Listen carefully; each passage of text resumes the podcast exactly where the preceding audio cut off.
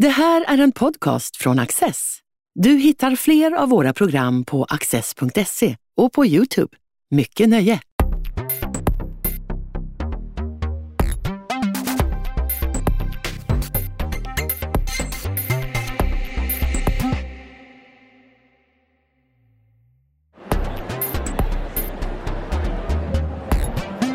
När industrimannen Alfred Nobel dog inleddes ett intensivt arbete med att redigera bilden av den store mecenaten.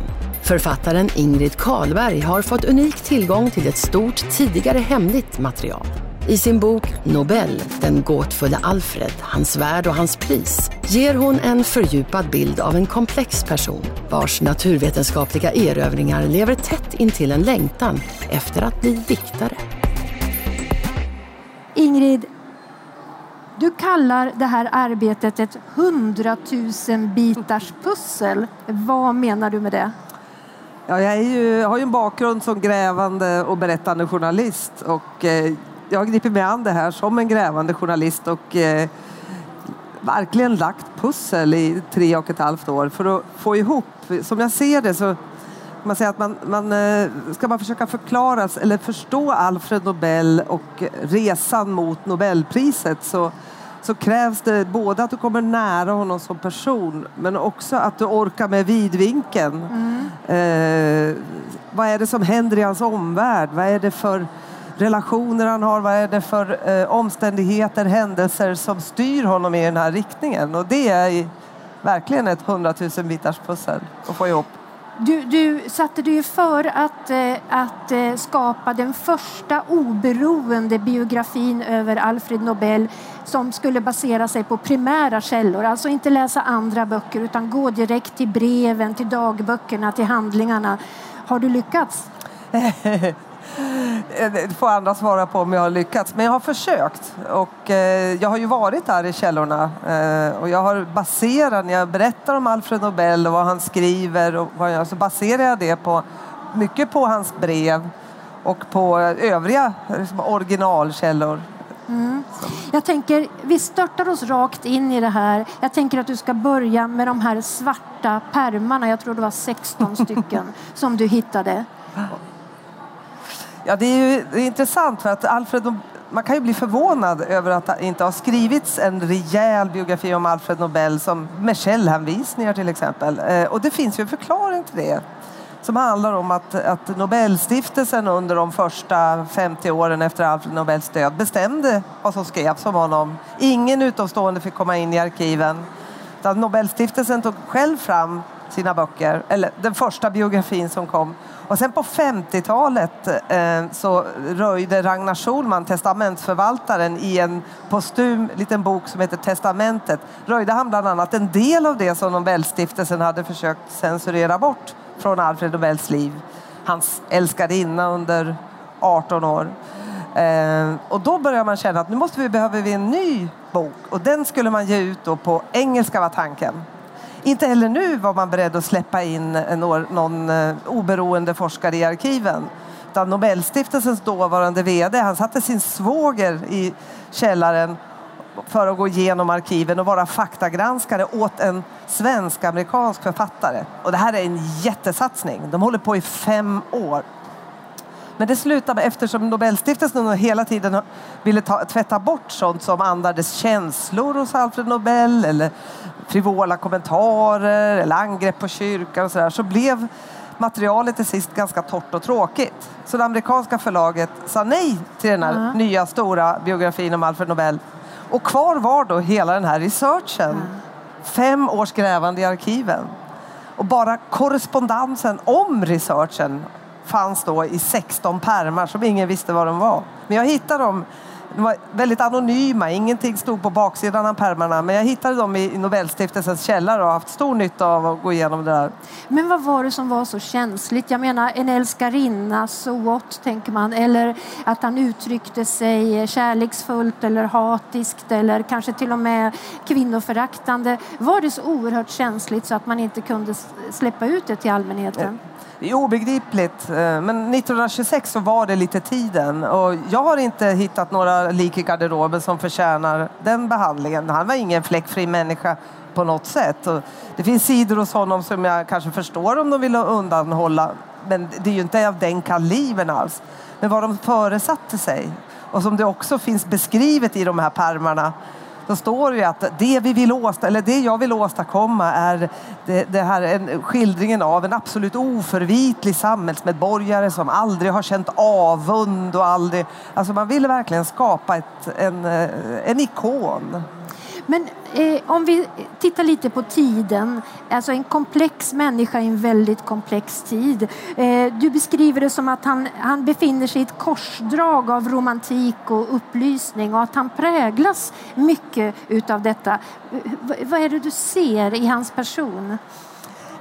Jag tycker det där är en, en väldigt intressant sak. Med, med I beskrivningen av Alfred Nobel så lyfter man ju ofta fram liksom upplysningsmannen. Mm. Alltså vetenskapens, eh, hans, ja, vetenskapens stora stöttepelare. Att han är, han är liksom eh, vetenskapen personifierad. Men dels är han ju inte vetenskapsman, men han är också han överger heller aldrig romantiken. Man kan säga, han är verkligen han är darwinist han lever i, i säga, ett av vetenskapens mest eh, spännande århundraden och han gör det med stor lust. Han suger i sig allt det som händer och, och på så sätt är han ju, eh, står han ju för liksom någonting annat än det, en, I det här spänningsfältet mellan eh, säga, andlig tro och mänskligt vetande så är han eh, tvivelsutan liksom, på vetenskapens sida.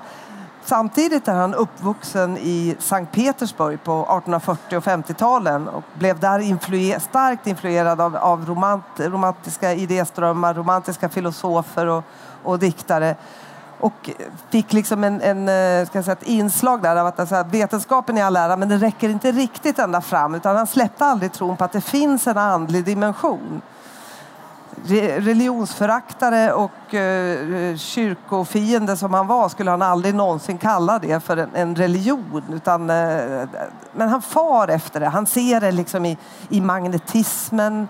Han ser det i, han beskriver att här finns liksom en attraktionskraft som vi inte kan förstå, mm. som finns mellan atomer som antingen repellerar eller skjuts ifrån varandra. Och den finns mellan människor som dras till varandra eller hatar varandra. Och där någonstans ser han det oförklarliga som man kallar attraktionskraften och någon gång till och med mm. gudomlighet. Mm. Så det där är ju en av många motsägelser i honom. Men jag skulle ändå hävda att naturvetaren är den starkare delen av hans person. Men, men du lyfter fram dikter som han har skrivit. Ja. Du, han, han försöker skriva pjäser. Hur var han som skönlitterär författare? Det där var ju hans stora eh, dröm i unga år. Att han, eh, man skulle formulera, när han försöker formulera sig ja, ska säga, en tänkt framtid som man hoppas att den ska bli för honom så handlar det om att han når framgång i livet.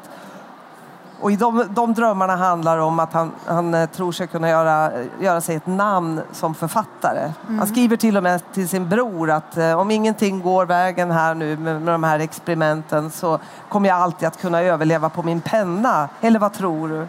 Och så skickar han ett litet romanutkast till sin bror Robert och, och ska få domen. Så här. Men Eh, och den där, han, det blir aldrig så, men han överger liksom aldrig tanken. Han skriver poesi, flera dikter, han skriver två ganska inte, inte jätteomfångsrika men ändå substantiella försök till romanutkast. Och jag vet inte vad jag ska tycka om honom som eh, skönlitterär författare. Det, han hade nog inte hamnat i några nobelprisdiskussioner direkt. Men nu nämner du... Ganska kantig sådär. Och... Nu nämner du brodern. Jag tänker på, han växer upp i en väldigt speciell familj. En uppfinningsrik, liksom, kunskapstörstande familj. Även om han skiljer ut sig, som du skriver, genom att vara oerhört begåvad så är det ju en, en värld av experiment och liksom, mm. nyfikenhet på världen. Och utan egentligen basala kunskaper dessutom ja, i ja. familjen. Ja, absolut. Eh, eh, alltså hans, eh, han växer upp i en väldigt fattig familj. Han föds in i en, en väldigt fattig familj i Stockholm där hans pappa är byggare och arkitekt och uppfinnare och idékläckare och ja. en enormt ska säga, energisk och, och, intensiv personlighet med starkt temperament. Och den här pappan råkar ju i trångmål mm. gång på gång mm. och ett av de trångmålen inträffar just när Alfred Nobel föds. Så han, han växer ju liksom upp i en familj där det handlar om att överleva. Mm. Första nio åren handlar om, om eh, att överleva. Eh, pappan råkar ju så illa ut. I, eh, han eh, jagas av fordringsägare, mm. han tvingas söka, ansöka om konkurs. Att han till sist eh, skulle ha hamnat i fängelse om han inte eh, flydde landet. Han hotas av fängelse till följd av skulderna. Och det gör, och då flyr han så småningom, eller han reser utomlands och landar så småningom i Sankt Petersburg. Mm. Dit då Alfred och hans mamma och eh, två bröder vid det laget eh, kan följa med eh, när Alfred är nio år gammal. Så klart, alltså, han är ju inte uppvuxen i en förmögen familj, mm. men han är uppvuxen i en familj där man tror på det egna lilla jaget, en mm. formulering jag använder från mm. familjen. När man tror att man alltid med egna idéer kan lösa den värsta och tyngsta av kriser, skulle mm. jag säga. Och idéer finns det ju övermått i familjen. Men jag tänker på det är också en tid som doftar krutrök som du skriver någonstans. Alltså det är krig, det är spänningar eh, runt om och, och eh, det är många som experimenterar med krigsmaterial och nitroglycerinet, krutet. Men vad är det som Alfred Nobel så småningom lyckas genomföra? Jag tänker rent naturvetenskapligt som de andra har, inte har lyckats före honom. För det smäller ju hela tiden i boken och hus som flyger i luften, mm. människor för att lyckas i de här experimenten. Men han lyckas ju ändå ta Till den här sist, utvecklingen ett väldigt viktigt steg. Ja, det handlar ju om, om hur man tämjer kan man säga nitroglycerinet. Alltså, min bild, om man bara börjar där va, med, med Alfred Nobel och sprängämnena är ju att han, han, han blir liksom en människa som drivs in i en bana han egentligen inte har tänkt sig. Alfred Nobel har inte drömt om att syssla med sprängämnen. Det är hans pappa mm. som ägnar sig åt det. Och de har stiftat bekantskap med det här nya spännande nitroglycerinet i Sankt Petersburg.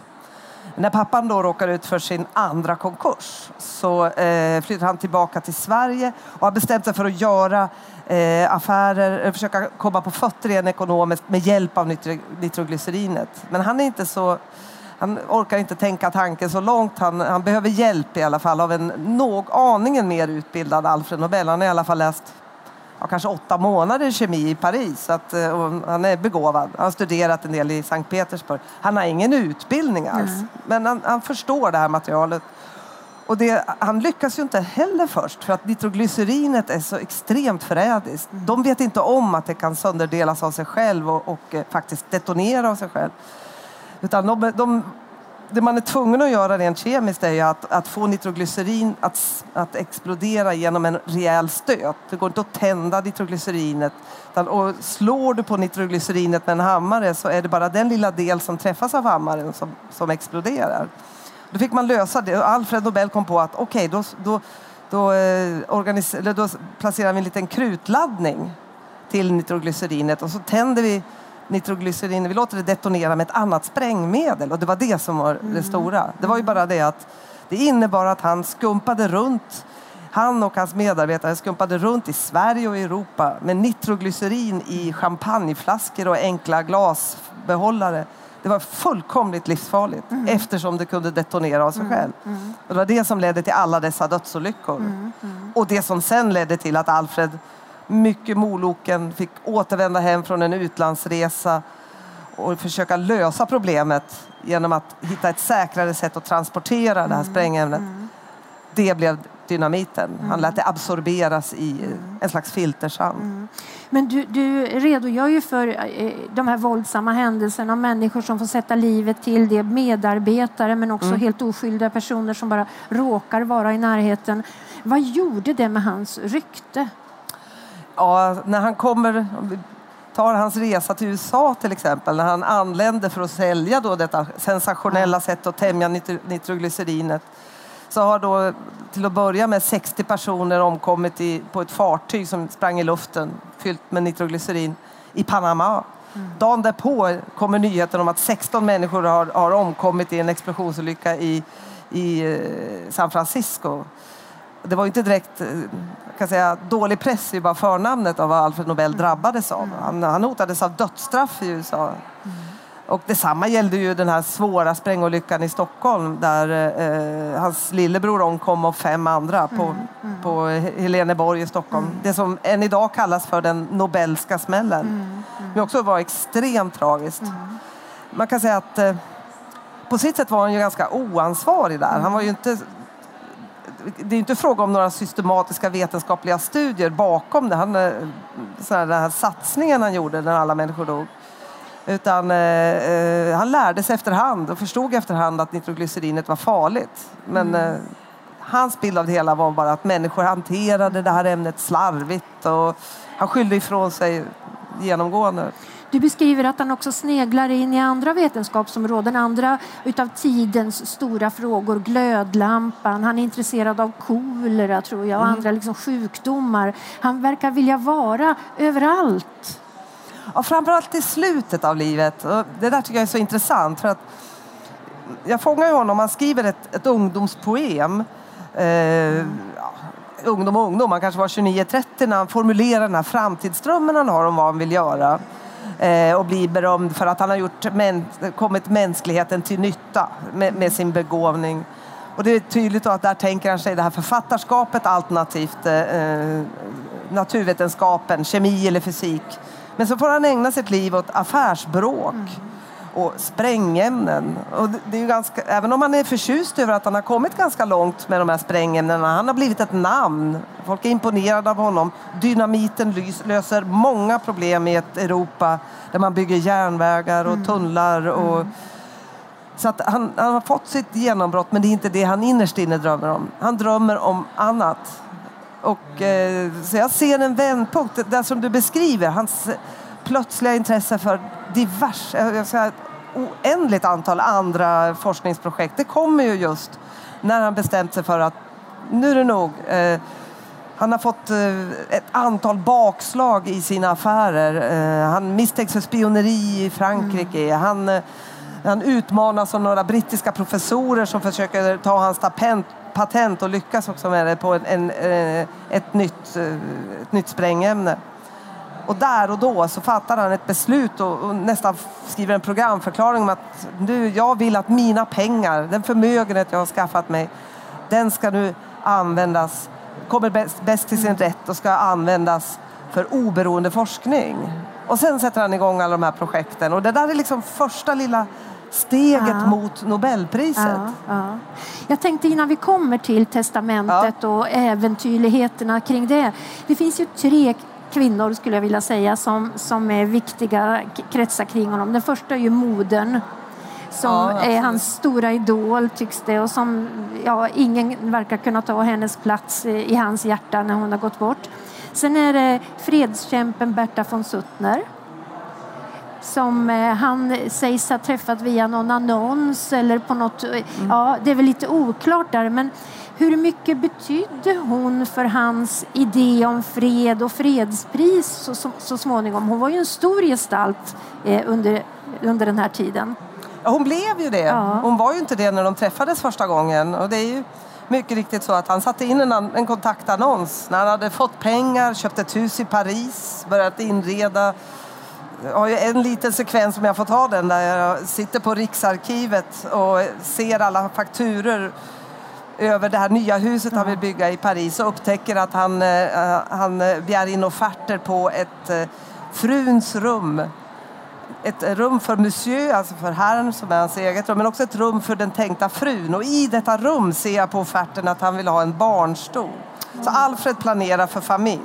Och det är då han sätter in annonsen som eh, Berta von Suttner svarar på.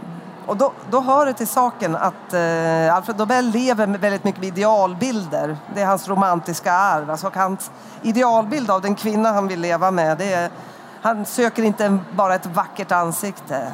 Han vill ha en kvinna som han kan samtala med, som har intellekt, som läser böcker, tänker spännande tankar, skriver kanske själv. Och så svarar denna Berta von Suttner, som då är blivande stor österrikisk författare, författarinna och eh, en av fredsrörelsens pionjärer. Och en av de första sakerna han säger till henne när hon kommer för att, besöka honom i Paris är om hennes hjärta är ledigt. Men det är det tyvärr inte. Utan eh, hon är förälskad i en annan man. Men där byggs ändå en vänskap upp som har som sin verkliga kärna Alfreds beundran för Berta von Suttner som person. Och Berta von Suttner som inte alls är någon fredsapostel från början. Hon vinns för fredsidén under den här perioden. Och det är hon som vinner Alfred Nobel för fredsidén. Och det är väldigt tydligt så. De har olika uppfattningar om hur man ska nå fram till en fred i världen. Men, eh, och även olika uppfattningar om, om värdet av ett pris Ja, för att nå ja, dit. Men ja. eh, det är ändå, injektionen kommer från henne, tvivelsutan. Den tredje kvinnan har ju varit föremål för många spekulationer. Älskarinnan som hon brukar kallas. Det är ju en fantastisk historia med denna unga kvinna som liksom får leva det enorma lyxliv som han förser henne med. Ja, det är en obegriplig historia på många sätt. Jag hade väldigt svårt att förstå honom när jag följde hela den här historien i hur den utvecklar sig. Den är ju inte okänd före Nej. den här boken alls. Eh, Man släppte ju den här re- redan 1950. Eh, Men som jag ser det så står, hon heter ju Sofie Hess och är 18 år yngre än Alfred Nobel. Och det är fortfarande aningen oklart var hon är och hur de träffades egentligen.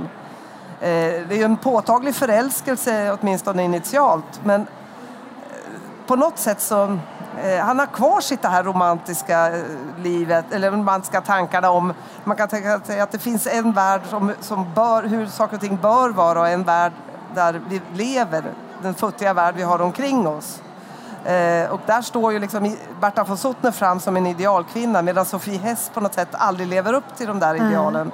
Men det är den, och han försöker få en liksom, eh, som eh, i, en Pygmalion-historia att eh, man försöker undervisa henne. Man kan hitta eh, papper i Nobels arkiv där man ser hur han försökt undervisa henne i hur man stavar och hur man räknar för att hon ska bli den här intellektuella samtalspartnern. Det blir hon aldrig. Men hur kunde hon göra av med så mycket pengar? Ja, det fattar inte Det jag är, det är ju enorma summor med dagens mått mätt som hon lyckas konsumera. Hon kräver ju ständigt nya våningar. Mm. Hon, hon eh, lever ju ett liv som han uppenbarligen inte... Han lever ju inte på den lyxnivån som hon gör. Han omger, det är lite både och med honom även där faktiskt som person. Han har ju byggt upp ett extremt vackert ly- lyxigt hem men han har inte den, de eh, vardagliga Nej, utgifterna nej. som hon har. Nej, alltså det som avslöjas efter ett tag är ju att hon underhåller hela sin familj i Österrike för Alfreds pengar. Ja. Och att han, han är godtrogen hela... Han, är, han slutar ju liksom aldrig hoppas på att hon ska både stiga fram som den här intellektuella samtalspartnern, börja läsa franska böcker och bli intressant som person och inte bara ett vackert ansikte. Men han slutar ju heller aldrig tro på att hon ska börja bete sig anständigt. Nej. Och, eh, och någonstans känner han en ansvarskänsla. Hon måste få ha en viss nivå i samhället. För hon uppfattas någonstans som fru Nobel. Hon kallar sig fru Nobel. Så att eh, anständigheten kräver att han inte tar sin hand ifrån henne. Och där finns det liksom Men en... hon har ju älskare. Hon får ju till och med ett barn med en annan man. Och, och ja, då menar, det- bryter ju Alfred. Ja, men det är ju en... Äntligen, säger Ja. man. men det tar ju tid det också. Det är ju svårt för honom att Ja. backa uppenbarligen. Men det här utspelar sig i en tid när en, en kvinna som eh, hade haft en intim relation med en, en man ut, utan att vara gift. Eh, om, om hon blev övergiven så var hon ju mer eller mindre kastad ut Ja, på gatan. ja, och eh, för Alfred som var ganska upptagen av sitt anseende så var ju det nästan ännu värre än att hon med sitt beteende fläckade hans ansikte. Så jag tror han försökte hålla den här skenbilden vid liv ett tag. Och kunde inte med tanke på att överge henne eh, bara så. För att det hade, vad hade det gjort med hans anseende? Ja, ja. Det var lite av en rävsax där tror jag. Men, när, när Men han, sätt, han slår ju näven i bordet till Ja, sist. men när han gör det så blir det ju samtidigt inledningen till en oerhörd ensamhet någonstans. För jag menar, på äldre dagar är han ju en existentiellt sett väldigt ensam människa. Ja, fast jag håller inte riktigt med där. Ja, men du antyder det i Ja, boken. Det han är- liksom, ja. han, skri- han beskriver sig själv så, så skulle man kunna säga. Ja, fast jag, han, han beskriver sig själv som en väldigt ensam människa eh, under åren med Sofie. För han Ja. sitter där ensam och väl längtar efter henne. Och, och i och för sig, han, det är ju inte så att han träffar en ny kvinna och får en, ett eh, härligt samliv de sista åren av sitt liv, eh, eller familjeliv överhuvudtaget. Men det han finner där i ungefär i samma veva är ju, eh, bygger han ju upp den här nära relationen till sina brorsbarn som vi flyttar in hos honom i Paris. Och ger honom för första gången sedan han var barn någonting som påminner om ett familjeliv. Och där ser man ju att han lever Ja. upp och blir liksom en, eh, får en annan entusiasm Men han skriver på ett, eh, i en väldigt sorglig stund så skriver han så här att han ser framför sig hur han ska dö med endast någon gammal tjänsteande omkring mig som hela tiden undrar om jag testamenterat något till honom. Precis. Eh, och det här är, eh, för det är klart det är ett tryck eh, gissningsvis när alla människor vill komma åt hans förmögenhet också. Ja. Han har ju tiggarbrev i högar varje Ja, dag ja. i Paris. Men, men om vi då avslutar med att fundera lite. För, eh, det är ju en väldigt dramatisk historia, de här testamentena som han skriver. Berätta.